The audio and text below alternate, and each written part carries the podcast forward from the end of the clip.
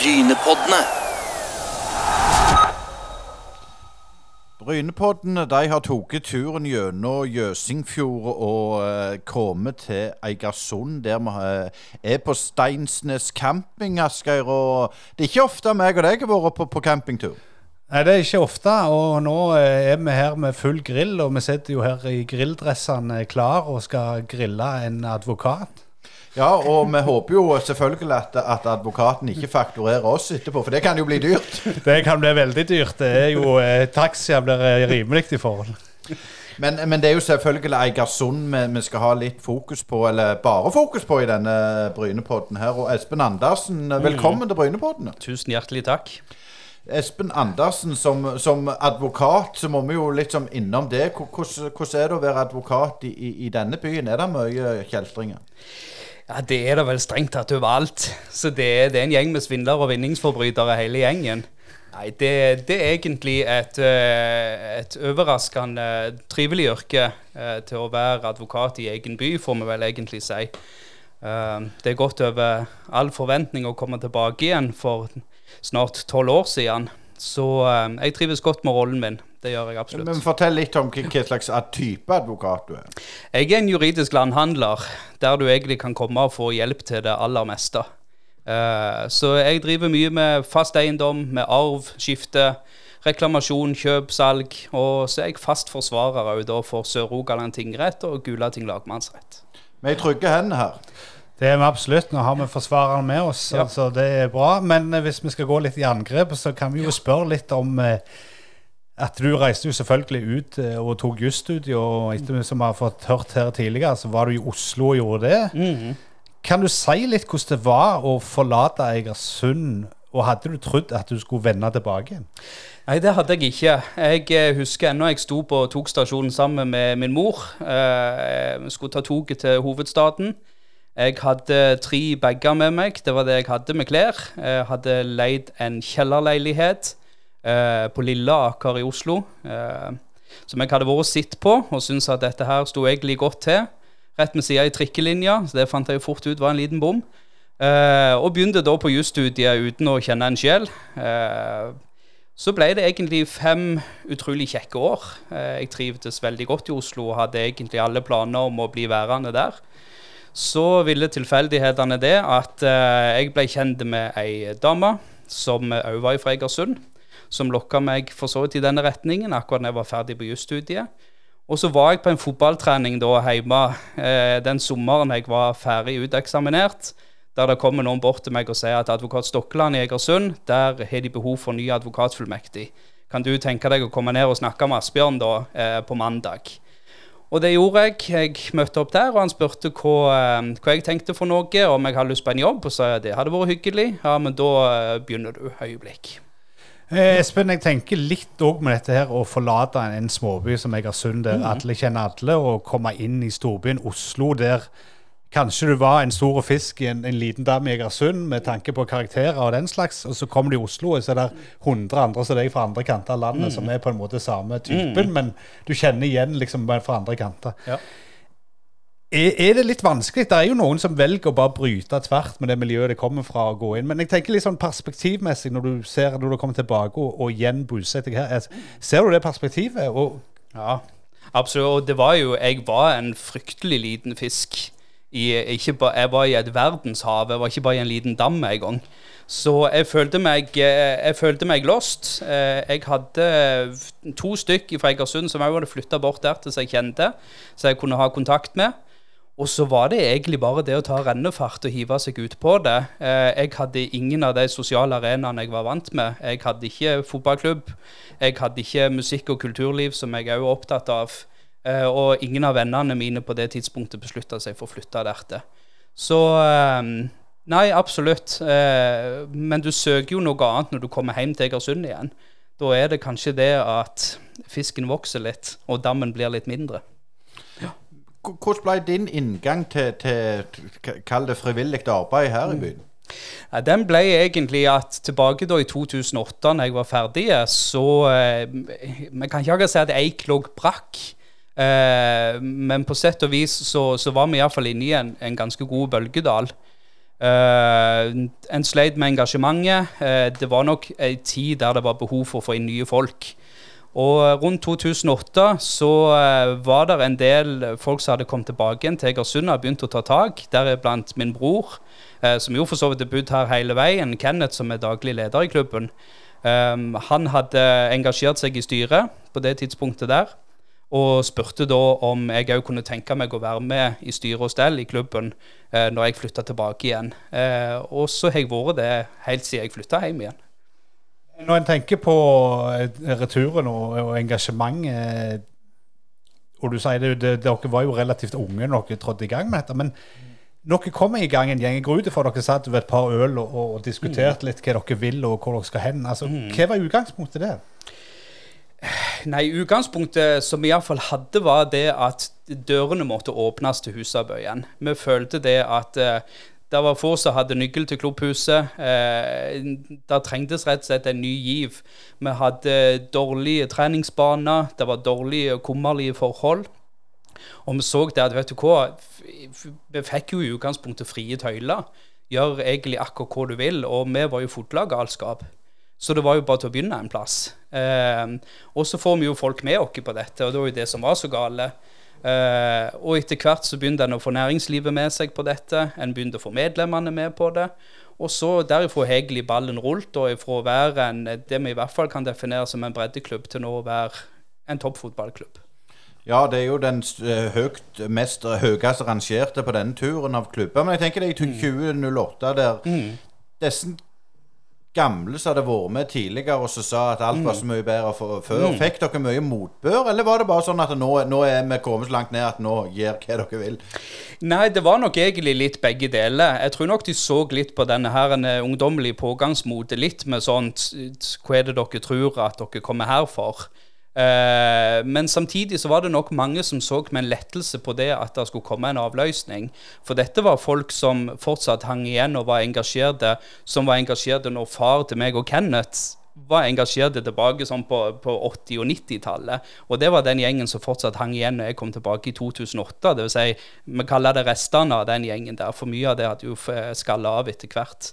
Så jeg tror det var, tror det var litt sånn skrekkblanda fryd blant enkelte å se at det var noen som eh, kom tilbake og ga gass på en helt annen måte som ikke hadde vært gjort tidligere.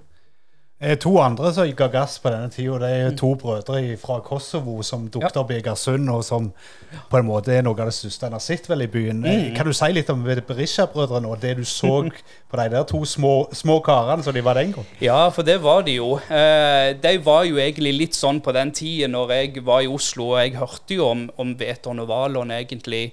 Uh, de sto på idrettsmarkedet, og uh, forskjellen på dem for mange andre var at jeg tror ikke det var det å drive organisert trening som var det viktigste for dem, men de var på idrettsmarkedet fra morgen til kveld. Spilte fotball konstant. Uh, om det var med et jentelag som plutselig skulle trene, om det var et guttelag, hva som helst, så prøvde de alltid å slenge seg med på dette. Så eh, at de ble gode, tror jeg ikke bare vi skal tilskrive det at eh, vi hadde et vanvittig bra treningsopplegg. De hadde en indre driv og et indre ønske om å bli veldig gode fotballspillere. Uh, og så kan det jo sammenlignes med den gjengen som da tok over Eik på det tidspunktet òg. Vi hadde et ønske om å bli en større fotballklubb enn det vi faktisk var. Uh, uten at vi skal sammenligne talentene på andre måter. Men uh, den samme driven var der nok mot Norge. Men, men, jeg må litt innom det vi snakker om uh, bror din, Kenneth uh, Andersen, mm. Som, mm. som, har vært er daglig leder unnskyld, ja. mange år. Men så tenker jeg det, så kan jeg jo høre liksom stemmene på ei kunde her som sier at ja, nå skal, hva nå de skal til men nå rotter de seg sammen, du begge i mm. styret, han ble daglig leder. Mm. Det må jo ha gått litt snakk? Nei, veldig lite. Og jeg tror egentlig det var litt dette her som har med frivilligheten egentlig å gjøre. At jeg tror veldig mange egentlig er for det første glad for at de sjøl slipper. At det er noen andre som faktisk går inn i ting frivillig og ønsker å gjøre noe. Så var det nok kanskje òg litt sånn skadefritt eh, håp om at de kanskje ikke helt skulle lykkes, har nok òg vært der for enkelte. Eh, men stort sett egentlig så har en blitt heia fram. En har det, altså. Eh, og en har opplevd mye positivitet, for stoltheten rundt Eik ligger jo i Egersund. Og det at klubben da begynner å gjøre det bra, tror jeg egentlig var nok til å veie opp for at vet du hva, bare la den gjengen der herje, for dette her ser ut til at det går greit. Frivilligheten langs rv. 44 er i samarbeid med Rogaland fylkeskommune, Sparebanken Sør og Reimar Lode AS. Det som er litt spesielt eh, med denne tida her, det er at dere kvi, kvi, eh, Nei, hva det heter Kniven. Det er vel det en andre lokale eh, klubber som, som er en helt annen plass i dag. Fortell litt om, om det, og hvordan var det? Var det den gang? For å si sånn, I min oppvekst så var det jo ekstremt. Forholdet spesielt mellom Eik og Eiger var jo et rent fiendeforhold. Eh, jeg er oppvokst med det. En far som òg på sin tid eh, var formann i Eik. Eh, det var så gale at når enkelte fra de forskjellige klubbene stilte til valg, lokalvalg her, så kunne du være sikker på at de ble strøkne av folk fra den andre klubben. Så det Ja. Det var ikke enkelt for et Eik- eller Eiger-medlem å bli valgt inn i kommunestyret på det tidspunktet. Det var det ikke. Men da lå klubbene egentlig ganske likt. Bytta på egentlig om å være best i byen. Og så hadde du egentlig utkantklubbene da som var Sokndal og Hellvik og Bjerkreim og, og Helleland og, og disse lagene her. Og det som jo var annerledes da, var jo at det var disse klubbene som var tilfangne til Eik og Eiger på det tidspunktet med å få spillere. Da var det helt naturlig å hente folk fra Sokndal og Bjerkreim og alt dette, og fra Moi og, og rundt forbi. I dag så går det jo dessverre fryktelig mye lenger for vi finner lokale talenter som kommer seg dertil opp på det nivået der. Eh, og ikke minst så har jo forholdet til Eiger blitt et helt annet. Eh, det kan jo òg ha noe med egentlig at nivåforskjellen på et gitt tidspunkt har blitt så stor som han er blitt. Eh, men jeg tror egentlig alle klubbene på sett og vis har vært avhengige av hverandre for å drive det framover. Og så har jo Eik håper tatt de stegene som vi gjorde på et tidspunkt, som gjorde at vi har kommet til hestehovedføre. Men det skal ikke mer det enn at eh, det kan være om fem år så kan rollene være snudd. Eh, så fort kan ting egentlig skje i fotballen. Og det er bare til å se på andre klubber rundt dere som var på samme nivå når Eik rykket opp for ti år siden. Ja, det var litt det som var, som var inngangen til spørsmålet òg. Du hadde jo Ålgård, SIF, Mm. Klepp. Klepp Randaberg. Ja. Hvor er de i dag? Men, men sånn, når du ser det utentil, Mm. hvorfor Det er klart det er håpløst spørsmål, men hvorfor tror du de ligger på nivå fem i dag? Nei, det har Mye har det nok med ildsjelene å gjøre. Det er klart det er vanskelig for meg å vite hva som skjedde rundt forbi på de fleste plassene. Noen eh, hadde litt kunstig åndedrett ved at de fikk tilført mye midler veldig fort, eh, og tok de byksene som de gjorde pga. det. Eh, og så har du egentlig at det går en sånn naturlig utskifting av folk og engasjement eh, gjennom klubbene. Og det kan godt være at Ålgård er på vei opp igjen om fem år. De trengte den tida på å flytte seg til nye stadion og omgruppere og få nye folk på plass. Så, eh, men det er tøft å drive fotballklubb. Det er det. Og det er en annen virkelighet å drive fotballklubb i dag enn det det var bare for 15 år siden bak i tid. Eh, Hva tenker du om eh, engasjementet rundt eh, klubben? Du sa at det lå litt brakk. Eh, Er det kun en snakk om generasjoner her, altså forskjell på generasjoner? Og det var ikke veldig vanlig i lokalfotballen heller at det kom en sånn unge, ny gjeng som ville ta tak. For det, det har vi ikke sett mange andre på. Nei, og det tror jeg heller ikke en har. Uh, og jeg tror egentlig det at vi var Vi kan ikke akkurat si vi var en kameratgjeng, for det er litt spenn i alderen. Eh, men jeg tror det at du på et eller annet gitt tidspunkt så klikka den gjengen som da starta opp og fikk dette til å fungere, og fikk gehør egentlig for tanker og synspunkter, fikk ballen til å rulle. Og det er ofte det som trenger Du trenger noen, du trenger noen som starter det hele, og så genererer det egentlig mer entusiasme utover i rekkene. Um, og det er tilbake igjen til den tid, der ser en tilbake på 2000-tallet. I Eik så var det Der var gjerne 50 mann på kamp og så på. Og det er klart, vi spilte mot, vi spilte mot Klebe og toerlaget til Ålgård og litt sånn, og tapte så 6-0 vel for Ålgård 2 for eh, 15 år bakover i tid. Så Jeg må bare skyte inn der. eh, Dette vet ikke du, Asgeir. Eh, Debuten min på Klebe var Første målet skåret jeg faktisk på Husabø, så det, det kan jeg bekrefte. det. Ja. Jeg tror det ble 1-1 den gangen. Ikke sant? eh, Det er jo gode minner, men dere er jo virkelig tatt steg, og det er jo du Mhm. en del av æren for. Men hvor vanskelig var det den gang å få de rette folka med deg? Mm, det, det gjelder bare hvis du bare er rette mannen som spør. Det er jo egentlig det som er utfordringen. Du må ha et produkt som du kan selge til noen. Uh, og så var det egentlig ikke det store problemet å få folk engasjert. for det en egersunder er lett antennelig når du bare kommer med det rette til han. Uh, men det har vært utfordringen uh, knytta til næringsliv, å dra det i gang. det å skape, prøve skape en toppfotballkultur. For hva klubben har jo aldri vært i nærheten av det å drive på et sånt nivå som en det en faktisk gjør i dag.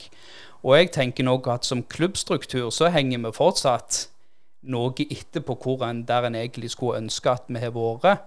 Uh, men samtidig, vi, vi har tatt vanvittig store steg. Vi har folk ansatt nå som vi aldri har hatt tidligere uh, i historien. Uh, og Nei, jeg tror at Eik som klubb er godt rusta for veien videre. Det er en. Og så tror jeg òg at det, snart er vi på en sånn en periode hvor det, det, er moden for at det kan komme en ny generasjon av oss for 15 år siden. At vi begynner å se en overlapping på nye folk hos oss.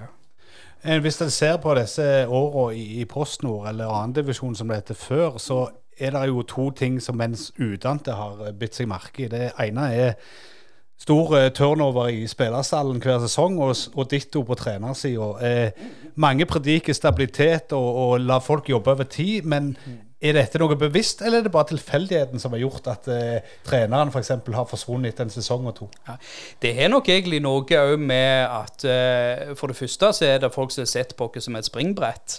En del av de trenerne som har vært her, har jo ikke bare forsvunnet ut pga. vi har ønska det. De har faktisk kommet seg videre i livet og, og valgt eh, trenergjerninger på høyere nivå og andre plasser. Eh, og så har det selvfølgelig vært eh, ganske god gjennomtrekk av spillere. Eh, og der har vi jo prøvd å lete sjøl etter forklaringen på det. Og vi har vært for dårlige hvis det er en ting jeg iallfall skal ta sjølkritikk på som klubb, er det at vi har vært for dårlige til å produsere egne folk de eh, siste fem til åtte årene. Der har vi ikke lykkes i den grad vi skulle ha gjort det. Eh, og så skyldes det mye plassen vi ligger på. Eh, vi må ta inn over oss at vi, det er fortsatt Egersund vi snakker om, med 8000 innbyggere i selve byen. 8000-9000. Eh, vi har ingen høyskole universitet å tilby folk. Det har de i Stavanger. Um, og da får vi egentlig litt folk deretter. Det er folk som er her for å enten få start på karrieren sin, og de er her for å tjene til livets opphold, ikke for å studere eller gjøre sånne andre typer ting. Vi får ikke 500 nye studenter hver eneste høst. Det er, Vi må ut og finne de folkene hvis vi skal være på det nivået som vi er på i dag. Men nå er vi jo i søndre delen av Rogaland, og mm. føler du altså mentalt for folk fra Stavanger f.eks., så er det de fem-seks mila til Egersund er mye lengre enn en Egersund skal innover. Ja, de er dobbelt så lange, om de ikke er trippelt så lange. Og jeg merker jo det sjøl i mitt yrke når jeg kommer til Stavanger og sier god morgen hvis jeg er i en rettssal eller um, skal i et møte, eller at du kommer helt ifra Egersund, du, ja. Ja, sier jeg, det tok meg hele rett over timen å kjøre inn her til. Det gikk helt fint. Uh, men det er nok mange som ser på dette som en veldig lang distanse ned her til. Uh, og det er klart, vi har Der er fortsatt et tilbud i Egersund som mangler. Der er det, og som gjør at vi hadde vært mer attraktive for folk hadde vi hatt ei idrettslinje, disse type tingene i byen. Men hvis vi skal zoome litt ut, da, tror du det er gjengs for hele Daland-regionen? Vi snakket jo litt her tidligere om at det, det er ikke bare å gå til Helleland lenger og plukke folk og talent. og Har dere vært gode nok til å signalisere ut i, i den umiddelbare nærheten at dere kunne hjelpe dem òg opp litt, kanskje? Nei, vi har ikke vært flinkere der heller. Det har vært bruddstykker. Eh, og det er jo egentlig en del av det jeg sier, at vi har ikke vært flinke nok. En ting er i egen klubb, men som, som egentlig region her nede har vi vært for dårlige til å hjelpe hverandre opp og fram. Det har blitt litt mer den gamle tankegangen. at vi sitter på hver vår tue og driver med, med hver vår. Og så er problemet òg det nå at vi ser at nivåforskjellene har blitt så himla store. Det er klart det skal mye til for en kar som nå spiller på Helleland, vel i sjette divisjon, eh, eller Helvig eller disse lagene her, å komme og, i Post Nord og virkelig levere varene. Det skrittet der er, der er langt opp dertil. Uh, og da må du egentlig heller gjøre det sånn at de kommer tidligere inn i klubben og er egentlig med på den utviklingen fram. Uh, og egentlig komme inn i ungdomsfotballen og begynne å bli med der. Men der ser vi den naturlige frafallet som mange andre klubber òg ser. Vi sliter med å holde på ungdommene mellom 13 og 19 år. Det er der frafallet vårt nå er størst som klubb. Vi mister mye ungdommer. Uh, men vi vokser i kategorien 5 til 12 år. Der har vi en økning i medlemsmassen vår nå. Men for din egen del, Espen, eh, var du noen mm. habile fotballspiller? Det var vanvittig bra. Jeg ble bare ikke oppdaget. Ja. Du er en av dem, ja. Jeg er en av dem. Nei, jeg, eh, jeg holdt ut til guttefotballen. Eh, jeg sto i mål. Eh, og når du da kom opp og skulle spille elverfotball eh, og er 1,70 høy og står i mål, da blir det målet der svært, altså. Så jeg fant ut at jeg ga meg på topp. Eh, så verden har jo aldri fått lov å oppleve meg skikkelig. De har ikke det. Men jeg var grævlig god på små mål. ja. Ja. Jeg, vet- jeg får si sånn, jeg vet ikke om fotballverden har gått glipp av så grelle mye. Nei, jeg tror ikke han egentlig har det. Det har han ikke. Men det er klart, dette med frivillighet i en by Vi, snakket jo med tidligere med Johan Åkre her. Mm. Er, er det noe der med, med, med dette bygdedyret som du sier at jeg håper de ikke lykkes. Mm. Altså, prøv å sette litt ord på, det, på dette her.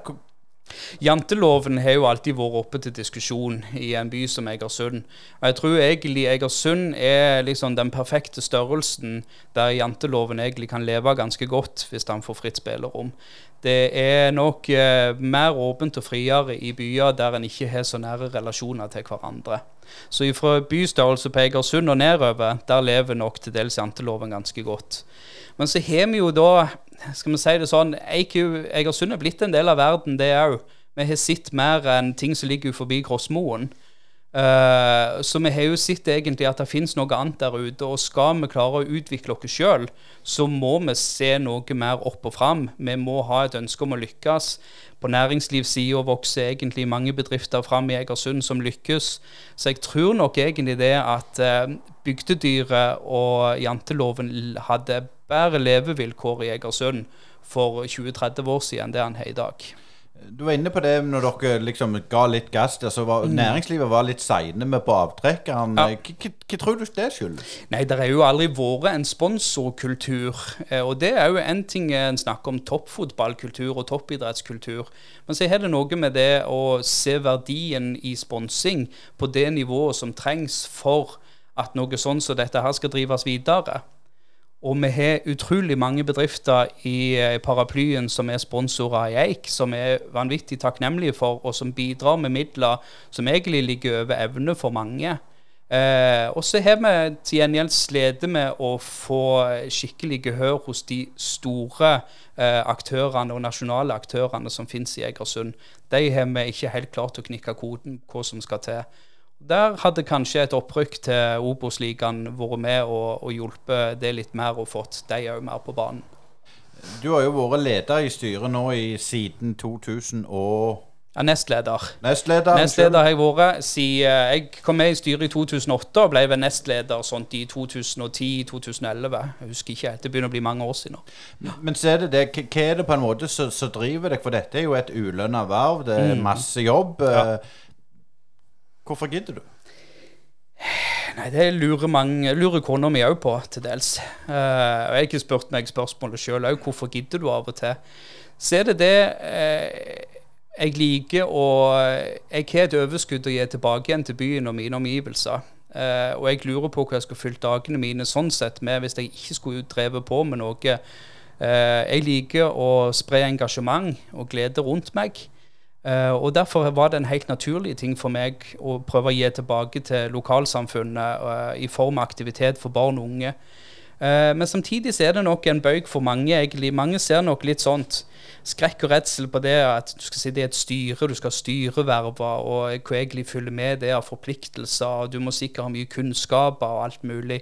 Men det er utrolig hvor du, langt du kommer rett og slett bare med pågangsmot og engasjement, rett og slett. Det er ikke alltid det trenger å stå på eh, ja, Eh, du trenger ikke ha så mye kunnskaper på forhånd. Det er veldig mange som vil lede deg på veien hvis du bare er åpen for det. En slags refreng eh, langs denne turneen vår har jo vært det at det er veldig vanskelig å få folk til å sitte i styret og den slags. Og hvordan er situasjonen for dere? Han er nok lik. Eh, vi òg sliter med det. Eh, der er Og vi er nok, eh, nok en gang en så stor organisasjon og en så stor klubb litt nå at folk ser nok enda mer med litt med, med frykt egentlig på å ta et styreverv hos oss. Selv om eh, det hadde vært veldig hyggelig om det sto eh, 13 mann eh, og bankte på årsmøtet og sa at jeg vil gjerne sitte i styret hos dere. Men det gjør det ikke, og det må vi bare erkjenne at det er òg et problem. Og eh, vi vet ikke helt hvordan vi skal klare å lokke folk til det heller. Men mye av det ligger jo på Det er en forventning hos mange i dag om at eh, du skal sitte igjen med kroner og øre for ting. Og eh, for å si det sånn, du blir ikke rik av dette. Det gjør du absolutt ikke. Tenker en litt eh, videre, så nevnte du dette med, med 13-16-åringer. Altså mm. smågutt-gutt. eh, Småjenter, ja. Småjenter videre. Eh, Den såkalte mopedalderen, som vi Ja. kalte det for før i tida. Mm. Er, er det utfordringer her? Altså, da tenker du, Det er ennå en del frivillige trenere og den slags, Mm. og en har ikke fått det inn i de profesjonelle rammene. Men er Eik litt i spagaten der, at de ikke helt har bestemt seg hvor, hvor de skal Mm. gå for å bygge opp det som kommunene? Ja, vi prøvde jo egentlig det. Eh, vi har ansatt folk nå som har mer ansvar egentlig for den aldersgruppa 13 til 19 år. Med personer som er lønna, og prøvd egentlig å gå vekk fra den foreldremodellen på de årstrinnene som egentlig ligger der. Eh, men samtidig da er vi nok en gang tilbake på det å finne folk. Eh, det er klart, det er ikke for alle å ha et trenerliv i alderen 13 til 19 år i Egersund.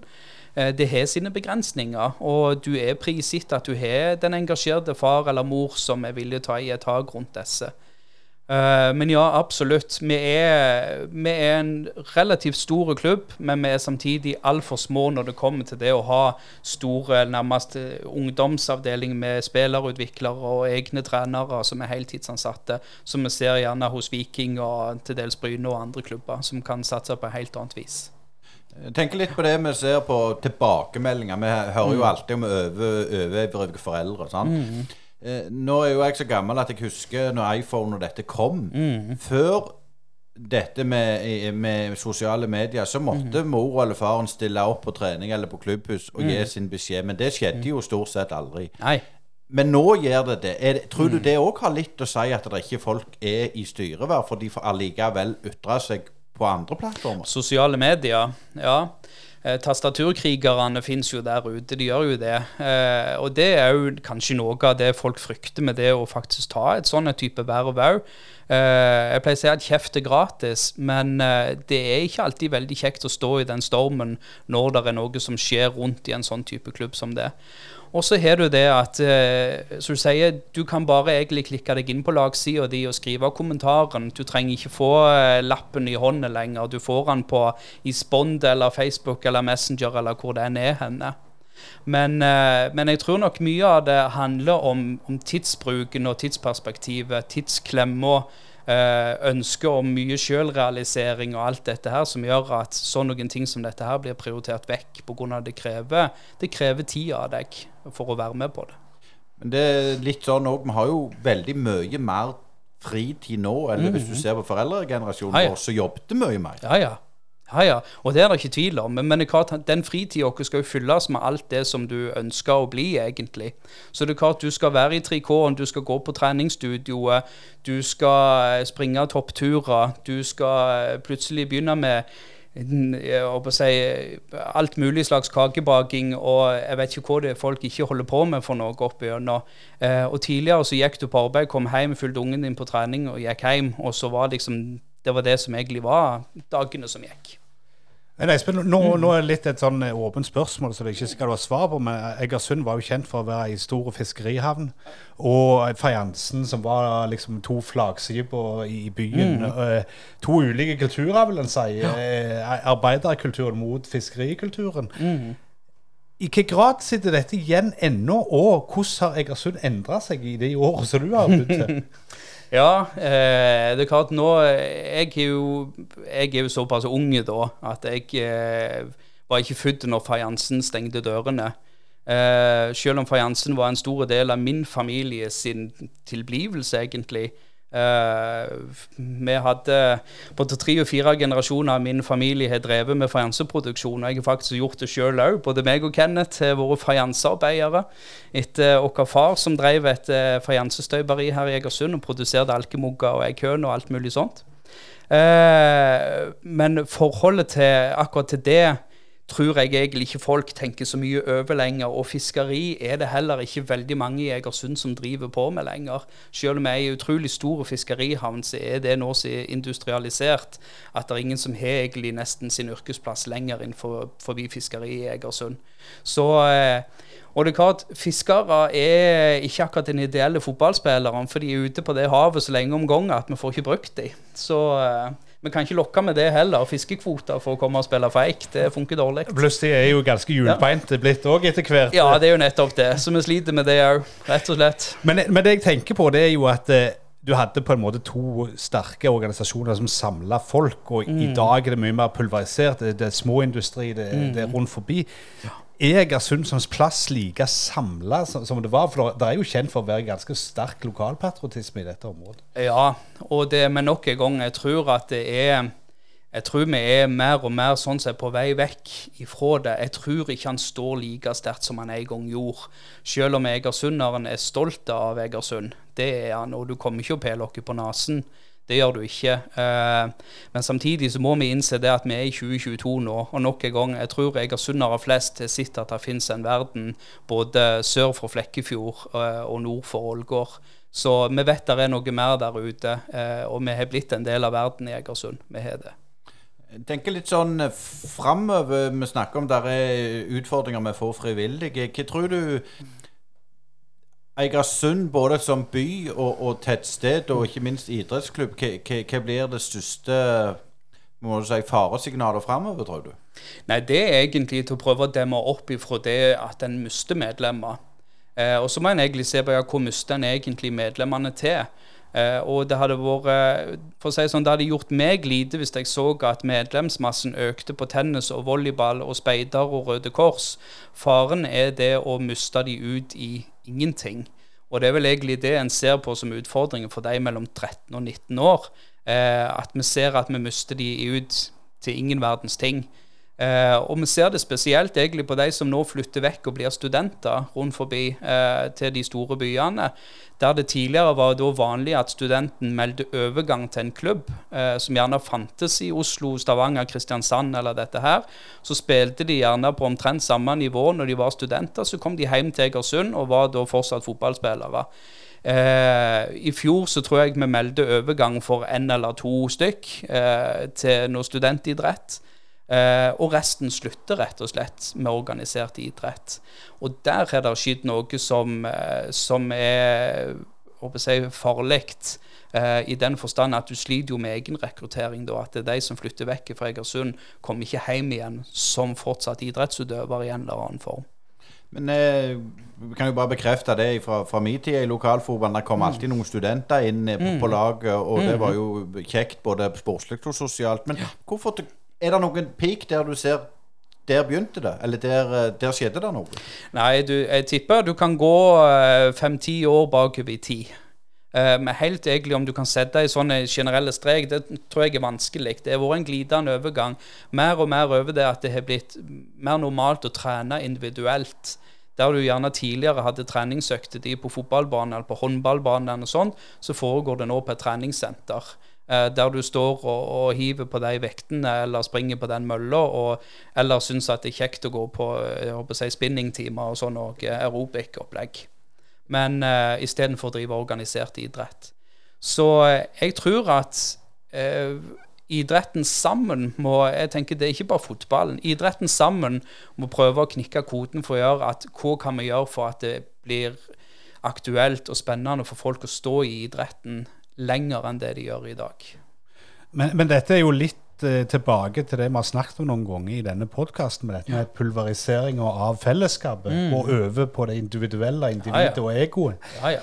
Eh, er det noen tendenser der du ser rundt i Egersund og rundt i idretten, eh, og på frivilligheten, at det er- handler mest om meg og mitt, og spesielt i den generasjonen som vi er en del av?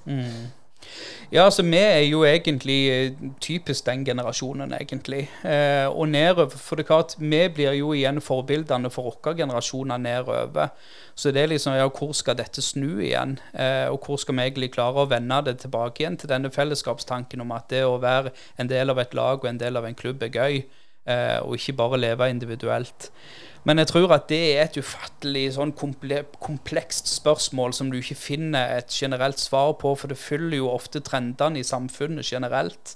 Eh, og jeg tror egentlig det at du må ha en generell samfunnsutvikling og ei bølge som da slår tilbake igjen mot at det er det som blir hipt og kult igjen. Du trenger noen trendsettere som gjør at det blir aktuelt.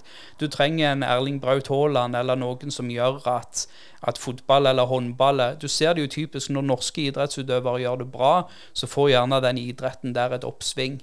Og Derfor er vi egentlig avhengig av at nasjonal idrett gjør det bra i verden for å bli gode forbilder.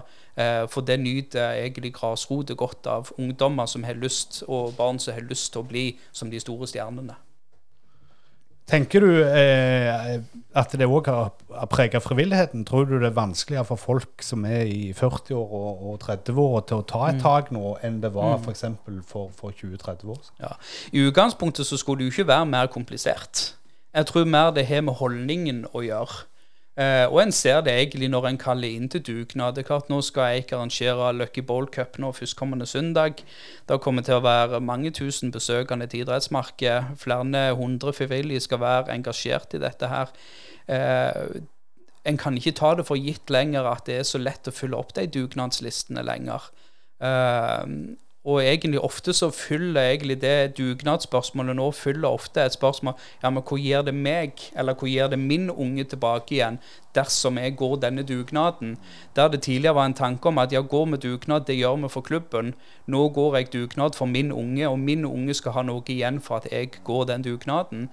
Og det er klart Som klubb så er jo det på grensa til båndløst fortvilende og alltid bli møtt med det spørsmålet ja, men hvor får jeg igjen, istedenfor ja, men hva kan klubben eller fellesskapet nyte godt av dette her. Men utfordringen er jo der, det som du mm. sier der, hvis jeg sier det sånn, ja, men det går jo kun til betalte A-lagsspillere. Den ja, ja. er jo òg en utfordring. Men, men har på en måte pengene i norsk fotball, ikke bare i Eigersund, men Nei. har det òg gjort noe negativt? Å ja, og definitivt. Eh, vi merker nå, Hvis en skal gå tilbake til spørsmålet her, så du egentlig en knekk noen plass. Ja, vi så nok egentlig en knekk eh, på det tidspunktet jeg begynte å eh, ansette folk til å jobbe. Vi ansetter Kenneth i daglig lederstilling 100 og etter hvert så fulgte det på andre òg som var ansatt i 100% stillinger. Og svaret fra frivilligheten ble jo ofte det at en bare retta pekefingeren mot de som du betaler lønn til. De får jo gå og fikse dette her. Men det er begrensa hvor mye en eller to mann kan rekke over i løpet av ei arbeidsuke eller i løpet av et arbeidsår. Det var ikke det at vi skulle legge ned frivilligheten, men det ble nok, eh, for mange så ble nok det ei enkel skyteskive å, å rette det egentlig mot de ansatte og si dere har så mye penger nå at får, eh, dere får bare kjøpe dere ut av dette her. Men, men si, i ditt virke som advokat så er du jo eh, opptatt av skjema og hjelpe folk og, og alt sånn. Mm -hmm. Er det òg blitt en baug rundt forbi frivilligheten at det har blitt så mye skjema at du må ha kål på ting? Mye mm. mer enn du måtte før, når du kunne føre litt i en ringperm og levere regnskap. Ja, definitivt. Altså, vi ser jo bare det egentlig de rapportene som vi som klubb må sende ifra oss i løpet av et år. Eh, både det som går på økonomi og, og, alle disse tingene her. Tidligere så velgte du gjerne en kasserer som hadde ansvaret for klubbøkonomien. Nå sitter vi og betaler x antall eh, titalls hundretusener til, til regnskapsførere og revisorer og alt mulig sånn noe. Eh, så, så, ja, og det er nok det som gjør at, som jeg sier, en klubb på Eiksens en klubb på Eiksens størrelse kan være skremmende for mange. Uh, men det burde egentlig ikke være det for de små klubbene og små lag og foreninger som finnes fortsatt rundt. For uh, det er ikke så komplisert. Og går en sammen om det og sier vet du hva, vi får bare sette dere ned og finne ut av dette, så går det stort sett greit, altså. Det gjør det. Men det er nok avskrekkende. Det er det nok nå uh, går tida godt i, i, i, i, lag her. Jeg tenker dette med, med, Du var inne på det at nå er det gjerne på tide at, at dere Nå har dere vært lenge, mm. ti mm. år og, og, vel så det. Mm. Men, men, når dere skal liksom ta stabettpinnen videre, hva folk tror du dere som sier ja? Nei, hadde jeg visst det, så hadde jeg spurt dem. Ja, det, det, var jo et godt svar. Men, men eh, hvis vi ser litt eh, framover, da. Eh, dette, du, du, nevnte den gamle rivaliseringen med Eiger og osv., mm. og, og at dere har parkert de. Men savner du den rivaliseringa? Altså, det, det skapte jo en egen mm. dynamikk her. Ja, det gjorde det jo. Altså, det drev jo fram et engasjement rundt akkurat den biten der. Samtidig så hadde nok den òg sine usunne sider som gjorde at han til de eh, kunne rive mer ned enn det han bygde opp, den rivaliseringen. Og jeg tror kanskje òg det ble en hemsko i en utvikling at det ble så mye fokus på at de andre skulle gjøre det dårlig. Eh, men samtidig så tenker jeg at vi har kommet forbi den plassen der nå. Vi må heller se på hva vi heller drar nytte av hverandre. Og, og, det er en ting som egentlig bare må erkjenne, at skal vi klare å komme oss videre, så må vi nok i større grad klare å samarbeide uh, i en by som Egersund uh, om ting enn det vi har gjort fram til nå. En annen ting som en ofte hører fra sidelinja, iallfall når det går dårlig, det er jo det hvorfor er det ikke mer lokale spillere, og hvorfor er, er alle folka utdannede osv. Det er jo sånn typisk medgangstankegang. Men er det òg en utfordring for dere nå, føler du? Ja, og, og, det er det jo. Og det er egentlig vanskelig for folk å forstå det. At eh, når folk sier det, ja, men det er bare til å slå sammen eik og eiker, og så vil dette egentlig fikse seg, så ordner dette seg. Uh, men det er klart det er vanskelig å spille med folk som gjerne ikke er der. Vi er nødt egentlig til å uh, for å si det sånn, er du god nok, så spiller du. Eh, om du kommer fra Hafsøyene, Rundevoll eller Golan i Egersund, eller om du kommer fra Kristiansand, eh, så tenker jeg at det er eh, Vi ønsker best mulig fotballspillere, og da blir det litt irrelevant hvor de kommer ifra, tenker jeg. Litt til slutt der, så har jeg lyst til å spørre deg litt om, om naboklubbene og forholdet til dem. For, mm. for en, en, tenker ofte at eh, hver en klubb går på sin haug, som du var inne på her mm. tidligere. Mm. Er det en jobb dere kunne gjort for å styrke dialogen internt i Dalane, mener du? Ja, det er klart Vi kunne nok vært flinkere rett og slett å sette oss ned og samles og se hvor trenger en egentlig. Eh, hvor er det folk har sine utfordringer henne, og er det noe den enkelte klubb kan bidra med for å hjelpe den andre. Eh, og, og, det er definitivt noe som Men jeg tror samtidig så har vi jo nesten hver enkelt har nok med sin egen klubbdrift om en ikke samtidig skal måtte ta, å si, begynne å ta bekymringene til alle som ligger rundt en i tillegg. Men det å f.eks. ha oppretta et fora der en møttes to eller tre ganger i året, Dalane-klubbene setter seg ned og delte erfaringer og tanker, det kunne absolutt vært av interesse. Eh, men det må være av interessen for alle, og alle må se nytten av det. For eh, det nytter ikke at vi bare prøver å komme prakkende på at eh, nå skal vi hjelpe alle dere. Det må være et ønske om, om et felles, felles, luft, rett og slett. Det får være siste ord og en oppfordring til samarbeid, Espen mm. Andersen. Tusen takk for du tok deg tid til Brynepodden, og du er som sagt nestleder i Eigersund. Mm. og for å si lykke til med fortsettelsen. Tusen hjertelig takk. Brynepoddene.